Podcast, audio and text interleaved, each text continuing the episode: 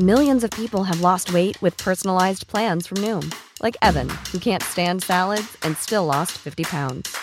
Salads, generally, for most people, are the easy button, right? For me, that wasn't an option. I never really was a salad guy. That's just not who I am. But Noom worked for me. Get your personalized plan today at Noom.com. Real Noom user compensated to provide their story.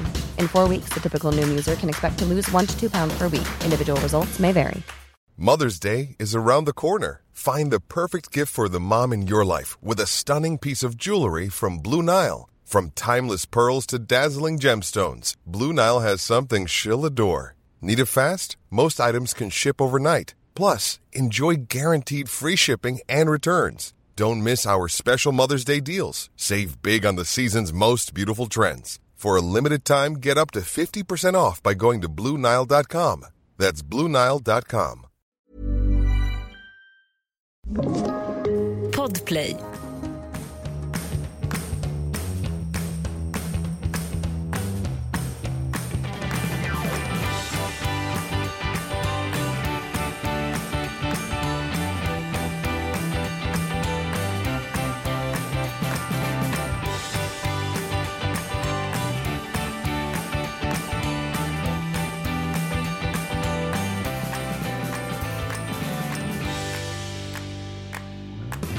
Goddag, goddag. Det är Beiron Ottan sittande så här vid ett fält och tittar ut på kossorna i, ja, gotländskan här är det faktiskt. Hur mos det? Man kan ta Gotland från Ann Söderlund, men man kan inte ta Ann Söderlund från Gotland.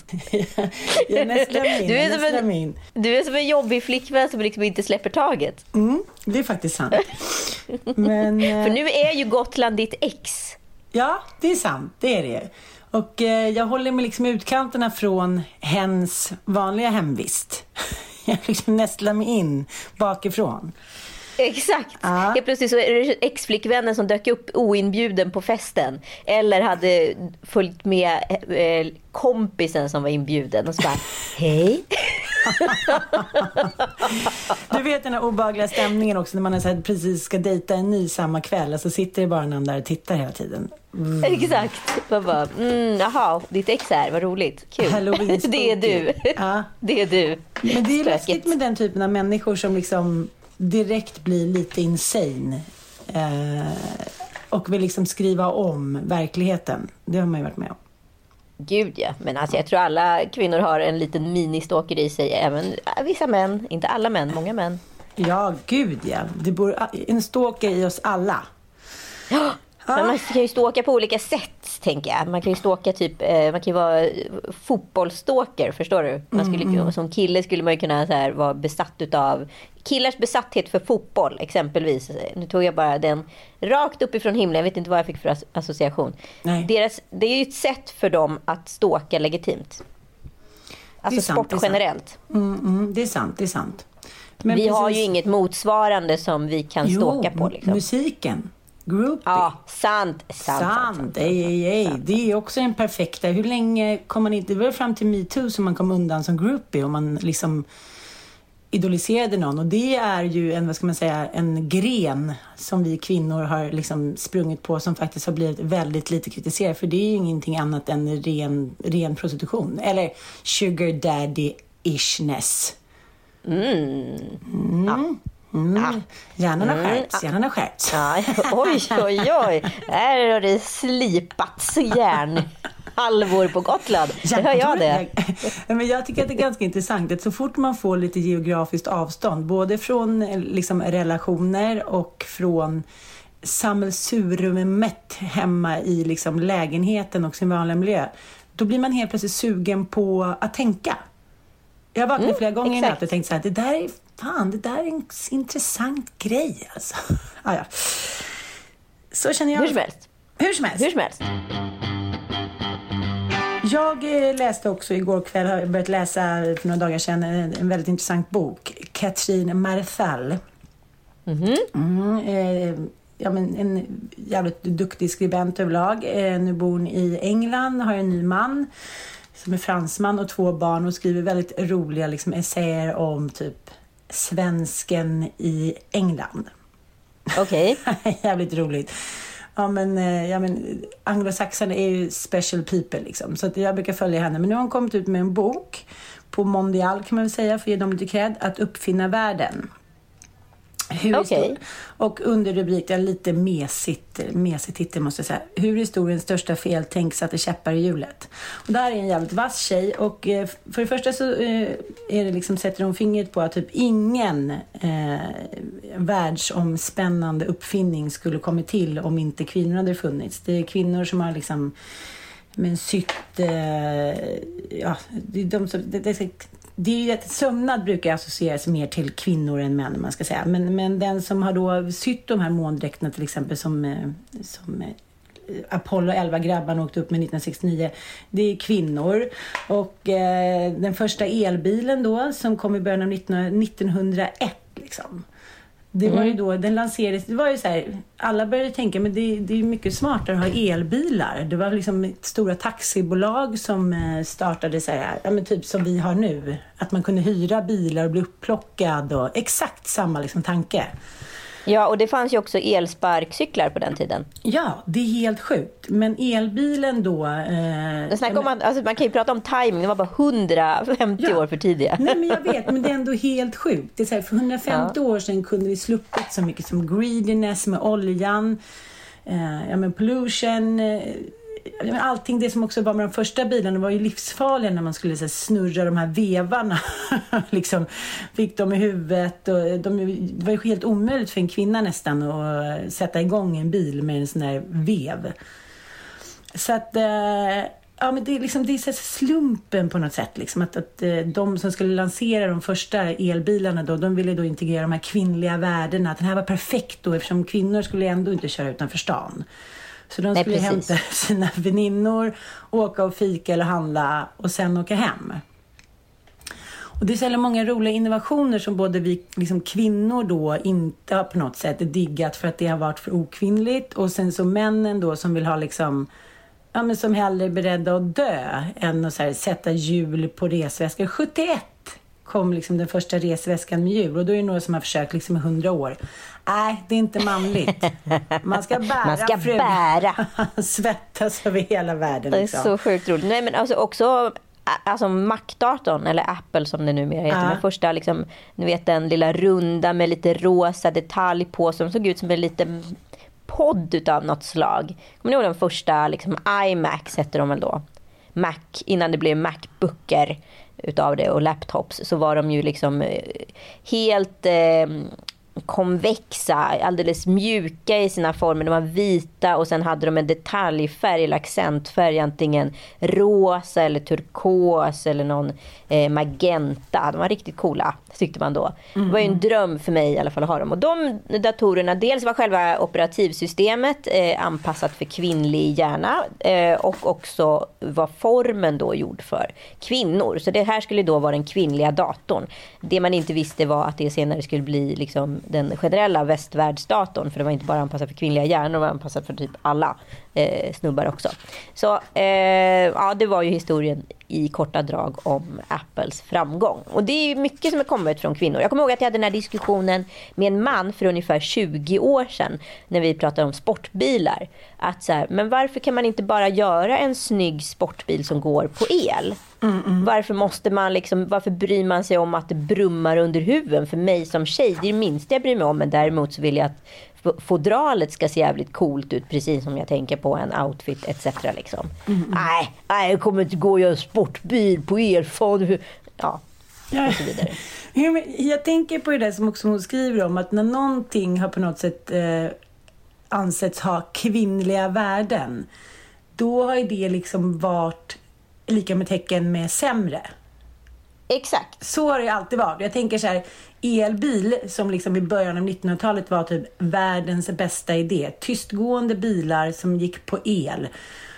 Eh, ja, men nu var det problemet som batterin inte höll och så här. Det har ju varit den stora utmaningen nu också. Så, men jag bara tänker om nu det inte hade liksom attribuerats då med kvinnliga värden, då hade ju världen sett helt annorlunda ut. Då Såklart. hade ju flygplanen också gått på el. Alltså, det, det är ju bara väldigt, väldigt tragical. Ja, och det här kommer vi prata massor om i den här podden, kvinnliga värden och olika värdegrunder. Eh, så det är en ganska liksom klurig podd det här. Men fortsätt nu. Va?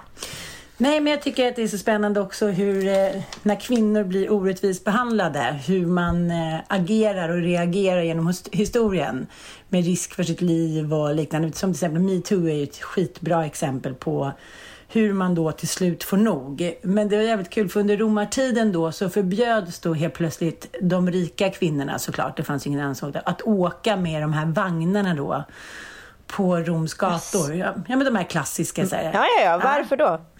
Nej, för det var inte liksom, det var inte kvinnligt. Man skulle inte slösa de här liksom, vad ska man säga, allmänna Fina vagnarna på kvinnor. Ja, ja. Nej, men då, då finns det så nedskrivet ett pergament att det var flera kvinnor som aborterade ut sina foster i protest. Hardcore. Oj! Ja. Det, oh, jävlar! Ja, ja, det var liksom... Eh, Hon skrev in sig i historien i alla fall. Ja, men intressant bild hur så slavarna sprang framför som levande rödljus. Liksom.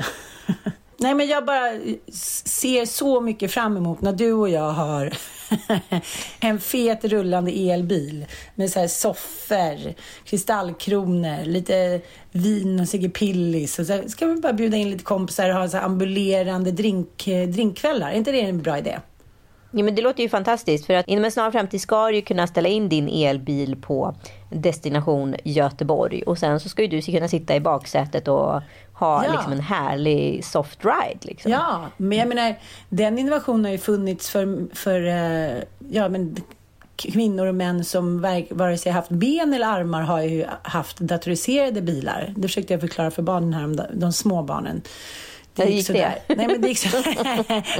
Nej, men vi tänker att vi hela tiden uppfinner hjulet igen, men oftast så så är någon jävel smart jävel som redan har kommit på det. Och jag tänker på kundvagnen, du vet, den klassiska som man inte klarar sig utan nu när man ska storhandla. Det var ju en snubbe också så här, på 1940-talet som introducerade men för att han såg ju så här, de här kvinnorna de, de orkar ju bara bära en viss amount av varor. Ja men i typ två papperspåsar liksom. Sen orkar de inte bära mer för att de kan inte det rent fysiskt. Så då uppfann han då, ja men satte hjul då på en kundvagn hit och dit. Och, eh, Nej, det var och då blev det Dramaten. Nej, men det var så fult. Det var så fult att gå omkring med en kund, alltså en sån här klassisk som vi har nu, fast ja, du fattar ju, för, ah, 40-tal. Nej, det tyckte de, det var så liksom okvinnligt och fult hit och dit. Så att han fick ju eh, hyra in modeller som gick omkring där på långa ben och kläcks. La sina små kycklingar.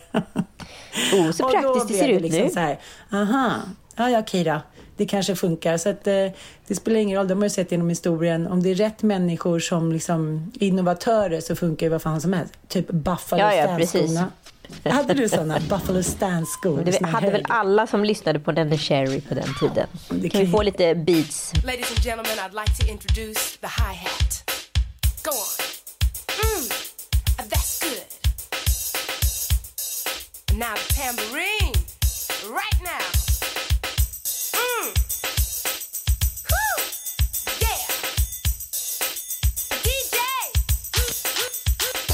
Vi kan väl inte säga att det var en lyckad modeinnovation?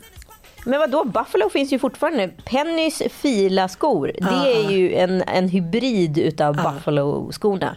Alltså de där konstiga buffalonsarna som kom sen på i samband med Spice Girl som var typ en och en halv meter höga. Det var ju inte den, det var inte den buffalo-trenden jag hakade på. Jag hakade på den innan då. Som var liksom 88 tror jag det var. Ja, men så. hybriden som är nu, den är ju lite cool och den kan man gå i. Men vi så här, liksom förpassade oss ju tillbaka till historien där kvinnor inte skulle kunna springa någonstans. Så vi hade såna här världens konstigaste klackar. Ja, det har ju varit synd om kvinnorna på flera sätt genom historien om man säger så när det kommer till kvinnligt manligt. Och nu tror jag att Skam på torra land har gått. Det har nämligen varit så att en känd eh, amerikansk medieprofil, Jeffrey Tubin, har eh, ertappats för blottning fast via en Zoom-konferens. Nej. Sug på den höll jag på att säga. Jävlar, de find their ways, motherfuckers.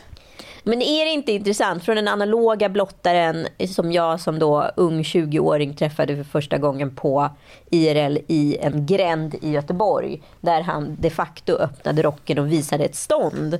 Mm. Eh, och man i så här chock och fnissattack eh, liksom inte visste hur man skulle hantera detta.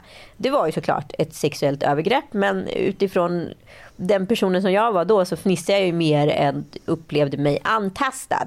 Det som har hänt med Jeffrey Tubin är ju att han då har, har multitaskat här. Så han har suttit i en videokonferens med lite kända radiomänniskor från WNYC. Eh, och sen har han haft en eh, ett sexsnack parallellt pågående på en annan konferens på Zoom. Det dumma var bara att han zoomade ut fel, förstår ni? Han satt med ståndet i handen och gick tillbaka till konferens nummer ett utav ett misstag. Det vill säga han ofrivilligt, frivilligt blottade sig för sina kollegor. Ja, jag det... trodde inte, jag, jag gjorde ett pinsamt korkat misstag. Jag trodde inte jag hade kameran på. Jag ber om ursäkt till min fru, familj, vänner och kollegor, sa Tobin i ett uttalande. Tror vi på det här? Nej, nej, nej, nej. Been on this earth too long. Been on this eh. earth too long to know a, a blottare. Nej, men alltså, jag bara känner så här, blottning man kan ju säga så här, ja, det är ett liksom, ja, det, är ju ingen fysisk våldtäkt och det kanske är lite mer så här Jönssonligan sextrakasseri på ett sätt tycker jag. Man, sitter, man, man är en jävla fegis, man är förmodligen lite äldre, man känner sig förbrukad, man tycker synd om sig själv. Det är min tolkning av eh, den nya Zoom-onanisten, eller? Ja, fast jag tänker också på så här, jag tänker väldigt mycket på det här med blottning. Om jag hade varit en annan typ av individ som hade sett mm. den här blottaren. Så hade jag, om jag hade varit fragil, skör, rädd person. Uh, uh. I grunden hade jag kanske inte alls börjat fnissa åt den här blottaren utan tyckt att det här var, det här var fruktansvärt. Per mm. definition är det ju ett mm. brott han har begått. Han har, han har liksom begått ett brott mot mig men jag kunde inte annat än fnissa. Jag om fattar. än jag blev lite chockad. Förstår du vad jag menar? Mm. Och likadant så tänker jag på den här Jeffrey Tubin då. Om det nu var så, för en kvinna säger då. Jag är ganska säker på att Tubin inte insåg att folk kunde se honom. Eh, ja, så att uppenbarligen enligt henne då är det ett misstag. Enligt andra säger han så här, det är så uppenbart att han har en sexuell eh, fetisch. Att det här var en då, grej för honom. Inte, vad skulle då ursprungsmakt liksom översittarknullidén vara om ingen såg det? Vad då skulle han sitta precis exakt just under det här viktiga mötet, han är ändå så här en välkänd juridisk skribent. Skulle han helt plötsligt då, de skulle sim simulera presidentvalet då för att se vad som skulle kunna komma upp då. Fick han helt plötsligt då en sån otrolig toklängtan efter att runka 50 plus att han var tvungen att så här, lämna mötet. Det finns ingen liksom... 60 plus om jag får be. Vad sa du? 60 plus har jag på B. Ja, ojsan, ojsan, svejsan. Nej, men jag tänker så här, de ursäkterna som kommer efter sexuella trakasserier eller liknande är ju alltid de sämsta, för det finns aldrig någon bra förklaring. För det finns ingen förklaring till det, alltså det är bara sanningen. Så de blir alltid väldigt taffliga liksom. Och lite så här oh, pojken ja. med händerna på täcket vibbar på något sätt. Sorry till ja. frugan. Jag undrar hur jag själv skulle reagera. Men alltså. undrar vad han skäms mest för? Att han var otrogen eller att han blev ertappad? Jag tror att han skäms mest för att han blev ertappad. Mm.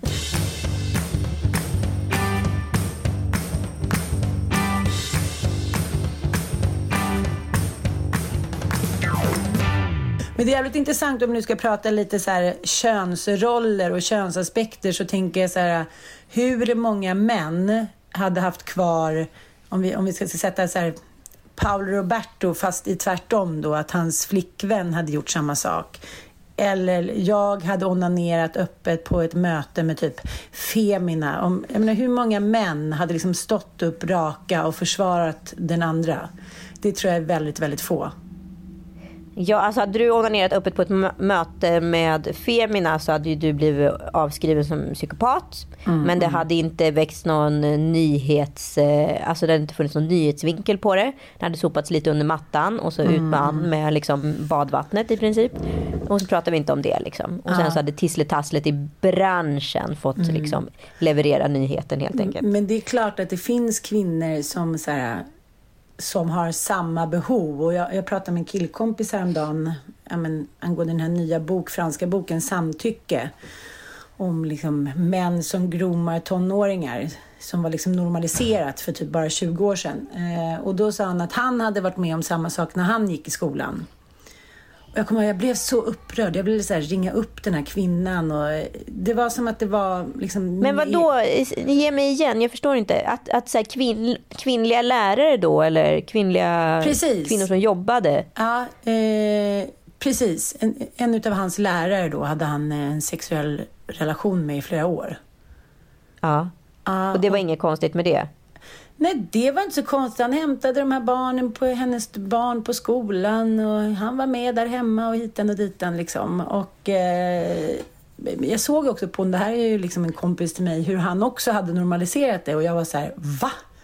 Var du typ 14 år och hade liksom sex med henne? Ja. Så ja, jag... Nej, men jag, också, jag hörde också om en sån här historia häromdagen. Liksom, en kille som hade varit på golfläger och ägarinnan då till den här golfklubben. Hon 50 eh, plus, liksom, de var så 16 år. Hon ja. hade då liksom haft sex med en av de här två killarna. Ja. Jaha.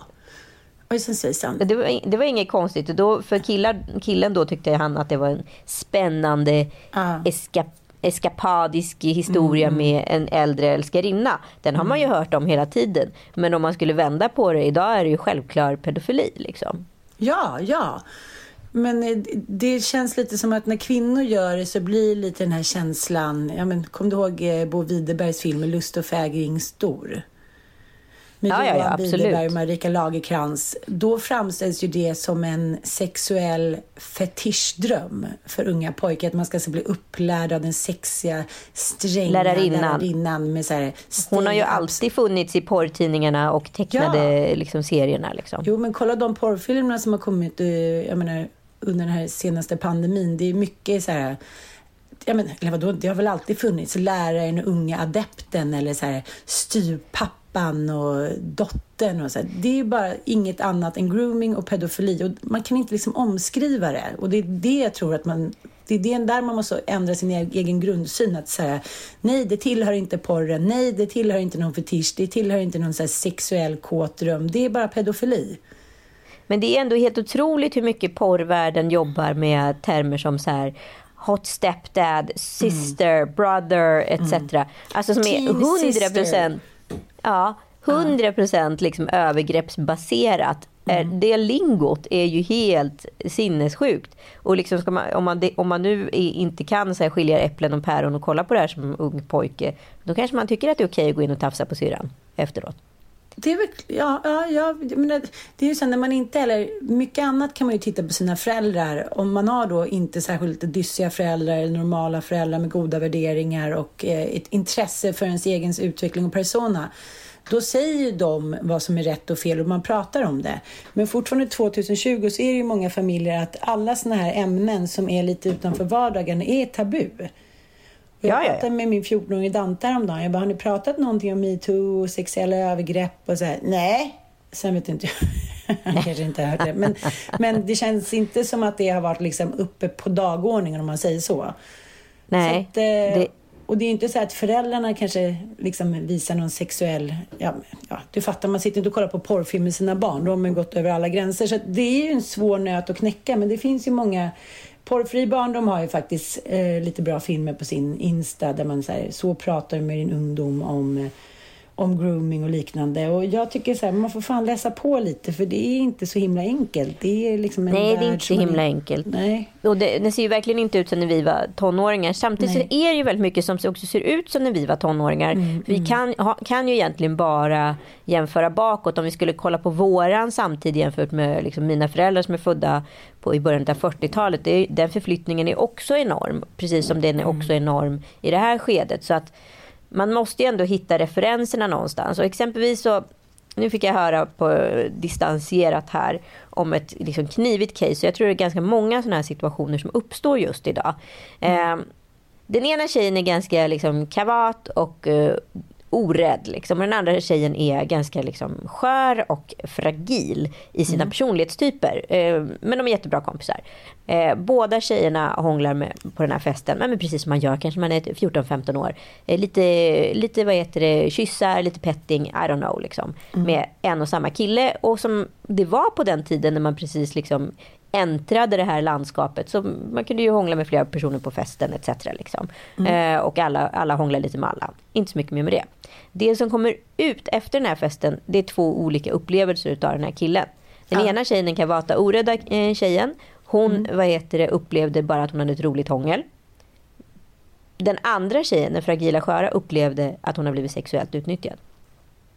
Ja, och båda har rätt, kanske. Och båda har rätt, förmodligen. Mm. Och det här blir ju jätteproblematiskt. Dels är de kompisar. Dels är de kompisar med den här killen. Eh, föräldrarna hamnar i någon form av limbo här. Där det liksom blir någon form av för eller motsituation. Vilket alltså, läger så som tjejen går hem och säger till föräldrarna att hon eh, samma kväll Jag blev då? sexuellt trakasserad utav den här killen. Okay. Eh, och den andra tjejen upplever liksom bara wow, jag fick hångla, woho, vad kul det var. Uh -uh. Det är det jag menar med lite med mig med blottaren i gränden. Mm. Att det var jag som stod där. Det kanske var tur för honom för att jag fnissade mest. Mm. Men jag blev lite chockad. Och sen så släppte jag det och gick vidare. Inte så mycket mer med det. Mm. Hade det varit en annan mottagare som hade fått den där blottningen. Då hade hon kanske polisanmält honom.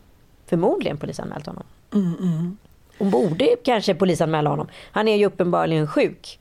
Jo, jag fattar. Men där, du måste ändå prata, vi måste ändå säga så här, vi pratar i, i en liksom järnålder av eh, metoo-referenser. Jag tror ja. inte ens att du tänkte, det, det, kom inte ens för dig att du skulle så, tänka sig, nu går jag hem till mamma och så anmäler jag den här mannen. Utan det var så här, ja men dagligdags som hände för kvinnor och unga tjejer under den här tiden. Snubbar Absolut, 80-talet har vi mm. pratat om hur många gånger som ja, helst precis. hur sjukt mm. det är. Liksom, men, men saken är ju den att båda tjejerna har ju rätt i sak. Ja. Men den som är den stora förloraren i det här, om man nu ska kolla på det i båda situationerna, är ju killen. För på, i skolan får han inte lära sig någon sexuell eh, undervisning. Mm. Eh, porren ska han inte titta på för att den är, är alldeles för kvinnoförnedrande. Mm. Det han kan göra egentligen för att vara helt safe, det är att vara själv med sina fantasier och sin penis på sitt rum under ah. tre års tid. Då är han safe. För mm. riskerar han att liksom träffa fel tjej, då kan han bli anmäld. Eh, om det nu är så. Om det nu är så att det ena upplever det bara som ett glatt hångel och den andra upplever det som en sexuell kränkning. Då vet ju inte han heller vad som är rätt och fel här. Förstår du vad jag menar? Nej, jag fattar, jag fattar, jag fattar. Eh, så det är ju en snårskog. Och när du har liksom en plusmeny uppe liksom mm. i taket med så här, samtycke, eh, Eh, du kan freeza, så här kan du också reagera, så här kan du känna, du kanske känner så här. Eller var det på det här sättet? När du har alla de grejerna liksom uppskrivna på en vägg, är det inte väldigt lätt då att åberopa känslor som då konstrueras att du ska känna? Men jag tänker så här, om du nu helt plötsligt i den nya världen har en palett av olika möjligheter att känna, vilket vi inte hade. Jag bara tänker så här på min egen tonårstid. Man bara, wow, övergrepp, övergrepp, våldtäkt, minikini-våldtäkt. Eller det kan man ju inte ens säga längre. Man bara så här, det, det, finns inte. Så, sen samtyckeslagen kom så är det ju en helt ny värld och den är rätt och den är riktig och den är modern. Men jag tycker det är så jävla kul för jag har ju så här, mina kompisar 40 plus som har legat liksom, jag menar haft tre, fyra, sex partners senaste året och alla fyra har frågat så här, vill du det här? Ja. Men vad ska man göra då som kille? Nej, nej men jag blir så här, vad snabbt det ändå går när det sker en lagändring. Och nu vill inte jag liksom kasta alla män åt så här, de vilda djuren. Men jag tycker överlag när man liksom i relationer, när någon lite från oben eller någon chef eller någon polare har sagt så här, det där tycker inte jag har inte, nu behandlar du inte henne bra. Eller liksom Leffe Lelle säger till sin kompis på så här, om snickeriet så här, nu var du inte schysst mot Bettan. Då liksom, då är det någonting som händer. Då vill man förändra sig. Men när kvinnorna själva säger det, nej, äh, då är det kärringar och det är PMS och det är skit. Va? Nu, nu generaliserar jag, men lite den känslan har jag liksom under år när jag fått att när, när någon som de respekterar sig till och det är därför alla jävla hockeyledare, fotbollsledare, gymnastikledare är så otroligt viktiga och när de också går över gränsen så blir det liksom katastrof. Så det är en svår karta men, men Ah, väldigt, väldigt svårt. Men jag kan ju inte tänka men... mig att den här killen har sagt så här, vill du hångla med mig? Tydligen så verkar det som att de flesta killar idag gör det, för de måste göra det. Okej, okay, okej. Okay. Sen så vet vi ju inte vad som händer under liksom eh, under the influences. Sen finns mm. det ju liksom en annan aspekt i det här som också är viktig att väga in. Alltså tonårstiden är ju också till för att testa gränser. Du mm. måste testa vart gränsen går genom att göra den rent liksom praktiskt. När du, vet, när du väl gått över gränsen då får du det ganska ordentligt åtutat till dig. Liksom.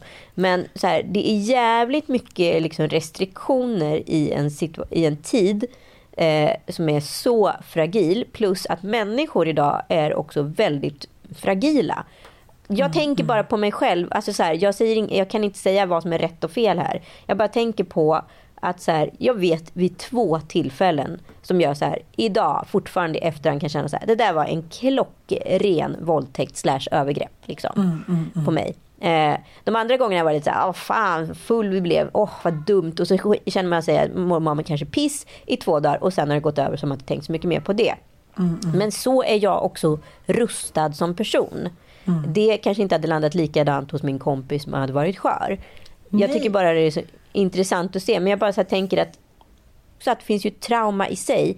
Att om du nu liksom i din bakisångest eller vad du är anmäler en kille för brott och sen så vet, ska du sitta i en rättegång ett år senare, berätta vad du hade på dig. Du, du, någon, någon advokat för den här, som representerar den här killen kanske visar upp sms som ni har skickat till varandra. Alltså det traumat är ju trauma i sig.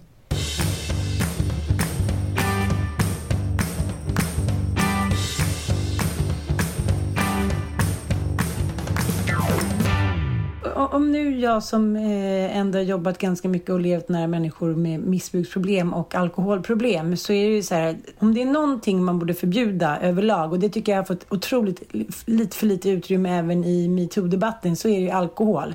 Ja, gud, 100%. Det skulle i sig inte födas några barn om alkoholen förbjöds men, men jag tänker att det finns en orsak till att all den här skiten händer och sen finns det ju perversa människor som skulle, ja men som till exempel den här journalisten som vi pratade om eh, som skulle bete sig så här, och Epstein och liknande, som skulle bete sig så här perverst och grooma vare sig de skulle dricka en öl eller 45 liksom.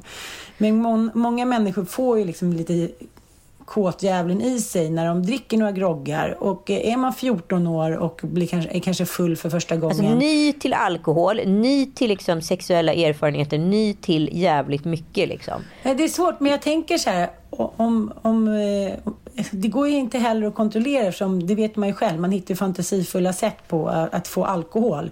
Men jag tänker så här, om alkohol inte fanns eller man lyckades på något sätt kontrollera den så skulle väldigt få av de här händelserna uppstå ju. Såklart, mm. såklart, såklart, såklart. Men sen, sen så får vi inte glömma bort, liksom, mänskligheten har alltid drogat vet, sig på ett eller annat sätt. Och jag tänker också när, jag läste klubben igen så är det en så väldigt spännande läsning i hur olika kvinnor tar eh, Arnaults övergrepp.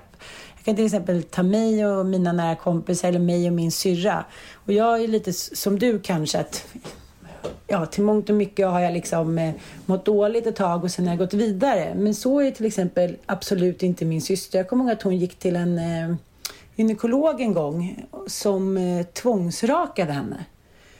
Va? Ja, men han, för att se bättre då enligt honom själv. Det här är väl 25 år sedan.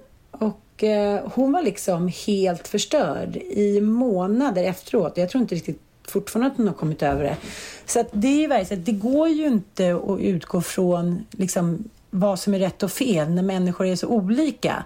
Men det blir ändå lite som du säger, det blir en knivig situation för killen. För hans känslor beaktas ju inte, för han är ju redan boven när det här har hänt.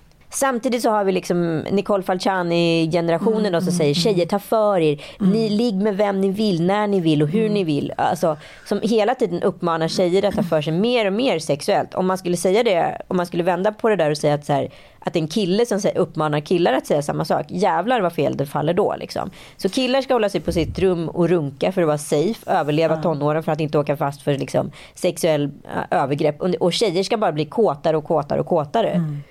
Det är det som är uppmaningen. Liksom. Eh, så vad, alltså så här, om, om nu vi egentligen bara vänt på steken, att så här, tjejerna är de nya killarna, det här låter jävligt trött att säga en sån, en sån grej, då har vi inte, det har inte kommit, hänt någonting ändå. Sen så har det hänt jättemycket för tjejer för att idag har ju tjejer bättre självkänsla och får mer utrymme och liksom, det är ju verkligen en förflyttning i samtiden. Men samtidigt så händer ju ingenting på det sexuella planet när, när man bara byter plats på rollerna. Mm. Idag är det ju killarna som ska hålla sig i kuken. Och den här generationen killar har ju inte varit med om det vi har varit med om. Så man känner verkligen att ni, er jävla skitgeneration killar eh, som är födda på liksom 60-talet och upp framåt. Ni är en jävla skitgeneration för när ni har liksom inte lärt er det vettiga. Men den, den som straffas för det här på sätt och vis blir ju en generation killar som aldrig gjort någonting åt det. Men jag tänker om, om man ska se den kvinnliga sexuella relationen så kom den ju egentligen först med p-pillret och då skulle den tillskrivas alla magiska egenskaper fast den också så här, förvandlade kvinnor till eh, på något sätt, eh, vad ska man säga, de var ju nu, helt plötsligt var de så här sexuella objekt som vem som helst fick ge sig på och vice versa. Och från att så här legat i en sexuell akt och bara tänkt på nej jag vill inte bli på smällen, jag vill inte bli på smällen så skulle man nu då vara en frigjord sexuell varelse som tog för sig. Plus då all hormoniell skit och ja du vet. Så här, det var ju verkligen precis två sidor av myntet med det här p-pillret. Var kåt men få cancer. Ja men precis, eller var kåt och då kan liksom vilken kille som helst åberopa då. Det vet du själv vad man kan ta till med lite så vita lögner när man inte är sugen på att ligga. Det är ont i huvudet och det är hiten och ditan. Jag kan tänka mig att på den tiden kunde man ju också i alla fall dra det kortet om eh, om man nu inte vill ha sex eller liknande. Så jag vågar inte, jag, jag vill bli med barn. Och så här. Det, liksom sexuella debuterna kom senare och bla bla bla. Men det som har hänt... Att Nej, men jag har hört talas om killar idag som filmar av och liksom spelar in så här. Mm. Hej, du vill ha sex med bra, mig, nu har jag det på band. Säkert. Bra. Bra, hellre det. Då kan, jag tänker så här, idén med sex är att alla ska kunna slappna av under akten. Om någon är skitpackad, nej, då förstår man ju att den ena inte tycker att det är jävligt spännande. Om båda är skitpackade, okej, okay, ja men they're bad på något sätt. Men ja, och då spelar... kommer killen allt, automatiskt egentligen åka dit för ett övergrepp ifall, ifall vad heter det, han har sex med tjejen. Men det är också så här, tycker jag, det blir en nykterhetskontroll. Det är väldigt få killar som tar fram telefonen och så här, vill du det här om de redan är över nykterhetsgränsen liksom. Så att, jag tycker ändå att det där är en rätt smart grej. Ja, men det? Här, det fanns ett samtycke. Hon har sagt ja. Men om det samtycket senare skjuts på kvällen mm. och hon känner så här, nej men jag vill inte egentligen. Mm. Vad gäller då? Nej, det är svårt. Men samtidigt så kanske man inte så ska tuta i unga tjejer i och med den sexuella relationen, revolutionen. Att så här, det bästa som finns är att knulla en ny kille varje vecka. Då är ni fria, sköna, coola tjejer. Det där kanske också har gått en aning för långt. Liksom. Vad, vad leder det till i slutändan? Sen menar inte jag att, att man ska känna sig som en slampa eller vice versa. Men man, man kanske ska säga, ja, Nej, men förut har det varit, eh, slampifieringen har ju varit att så här, en, en tjej som hånglar eller ligger med två killar är ju en hora. Liksom. Och mm. den är ju jättebra att den tvättas bort. Men jag tror inte att någon har de värderingarna idag. För det är ju också ett arv som hänger ihop med våran ganska liksom, religiösa slash frireligiösa uh, uppväxt. Liksom. Idag är ju tjejer och killar skulle jag säga normativt liksom, relativt lika när det kommer till sex. Men när tjejer hela tiden uppmanas för att ta för sig ännu mera och killar uppmanar sig att skydda sig från tjejer. Då har vi ju vänt på steken. Det är det här som är det intressanta. Det är ju pudens kärna på något sätt. Jo, men det är det jag menar. Det är där debatten borde liksom vibrera och nyanseras. Att så här, är det någon som vinner på att vara så jävla sexuellt frigjord från 14 års ålder? Nej. Nej. Nej, men en liten ankedota innan vi lämnar varandra till halloweenfirandet. Jag tyckte det här går ändå lite hand i hand med att så här, alla människor känner ändå att de vill vara attraktiva och gångbara på marknaden. Det spelar ingen roll om man är så 15 eller 45. Oh nej. Jag skrattar lite bara för att det här är roligt. nej men eh, Mattias och hans två kompisar har varit nere och tömt ladan på Gottis. Ah. Mycket hårt jobb, mycket frustrerande att tömma en hel eh, lada med asbestkök och 300 år gammalt eh, virke, gamla kök fyrhjulingen som inte funkar, motorcyklar etc. Så att, ja, han var ju bitter, eh, lite bitter när han kom Gud, hem. det var exakt de här detaljerna jag kände jag vill ha i den här historien. Vad ladad innehöll. hade här kom crescendot. Två kök, ett med asbest. Mattias har lite svårt att erkänna att han har njutit när han, eh, han är lite så späkare. Så att, ja, men det, var tre, ja, men det var ändå ett trevligt erkännande att sitta med sina bästisar och käka två middagar och ta en drink och snacka fritt och sådär. Men sista kvällen då på lördagen så hade de suttit på en eh, Italienan. Lite mm, nytt ställe i Visby, lite poppigt, lite unga brudar och lite unga snubbar. Ja, men liksom fräschör. Och eh, ja, men det här är ju ändå tre män med lite så här grånande skägg. Och eh, ja, de är liksom, ja, de närmar sig ju 45 glada laxar alla tre liksom. Och då så hade de väl sträckt lite på sig. Det var ett litet eh, gäng, 23-ish tjejer, snygga, som hade suttit där och luktat god parfym och sådär. Så de hade blivit lite till sig i trasorna. Och det var ju viktigt då att Ja, men de skulle få bekräftelse av de här tjejerna om jag förstod det rätt. Och så på vägen ut då så hade de sagt sådär man hörde så här, förbifarten. Fan, de där var ju ändå snygga för att vara så jävla gamla liksom. Så jävla roligt. Här, Det är, det är den vidrigaste typen av komplimang man kan få. ja, men, men För den är både, den är både förnedrande och glad. Nej, men Mattias var jätteglad. De andra två verkar inte ha varit lika upprymda. Men Mattias var så här, men så, det var ändå kul. Liksom. Han tyckte att det var en, en, ett, så här, ett beröm och ett gott betyg. Men vad är då gammalt och liksom, var går den gränsen? Ska man vara glad åt det eller ska man känna sig som gubben som inte såg ut som ett härke? Ja, det, det är också, allting som har med det här är fan svårtolkat alltså. Fy fan vad roligt. Jag kommer ju själv ihåg att jag och mina kompisar i Örebro, vi hade, då var vi ju 19 ungefär. Och då var ju egentligen alla män då över 30 gubbar. Ja, Och då hade vi ju kategorin gubbsnygg. Och då hade vi massa män som ingick i kategorin gubbsnygg. Så Mattias är då helt enkelt gubbsnygg, det vill säga han är plus 30 och han har skägg. Det, det bekräftar gubbsnyggheten. nu ska jag säga till honom. Jag ska trycka upp en tröja. Gubbsnygg. Ja, jätteroligt. Fåfängas fyrverkeri, det slutar aldrig spraka. Det kanske blir lite mindre Lite mindre krut, men eh, så är man ju själv också. Och det är väl fint ändå. Jag, jag tycker ändå så här, man ska tycka om när andra tycker att man är fin. Det tycker jag ändå är en bra egenskap. Ja, jag vill bara avsluta det hela med en liten rolig halloween-quiz till er lyssnare. Och nu vill jag att ni skriver det här i våra kommentarer. Eh, ni, vad heter det, skriver vad ni tror är rätt person på rätt kategori. Det här är alltså en liten quiz på Ann Söderlunds olika Eh, vad ska jag säga, kända smeknamn på olika personer. Och eh, vi jobbar oss i en, eh, ja det kommer bli vässas på här, Det kanske blir lite svårare och svårare. Så jag vill att ni skriver i våra kommentarsfält och på Lille Lördag podcast kommentarsfält vilka ni tror har, eh, är vem person. Och de två personerna som svarar rätt på alla de här och eh, skickar en liten videohälsning till sina följare att de ska lyssna på Lille Lördag. De kommer vinna ett fint pris som avslöjas i nästa veckas podd. Då börjar vi. Matthew Broderick. Vem är det i Ann Söderlunds kartotek utav personer? Sen har vi på nummer två. Frans Schartau. Vem är det? En tredje person som har fått det bevingade namnet Frall Enberg. Vem är det? Sen har vi även Bobster. Vem kan det vara? Snokfarbrorn. Känner ni till honom? På femte plats. Och sen har vi den lite mindre lurige Uffe Tuffe Räka. Vem är det egentligen? På åttonde plats Minimyggan. Vem är det då? Ja. Och Eulalia. Vem är hon egentligen? På plats nummer nio. Samt vilket årtal är Ann brukar referera till i alla podcasts. Är det 1833? Är det 1733? Eller är det 1933? Välj ett utav alternativen. Tack för att ni har lyssnat på den här veckans podd. Vi hörs om en vecka. Hej hej! Happy Halloween och tack för idag. Hej då!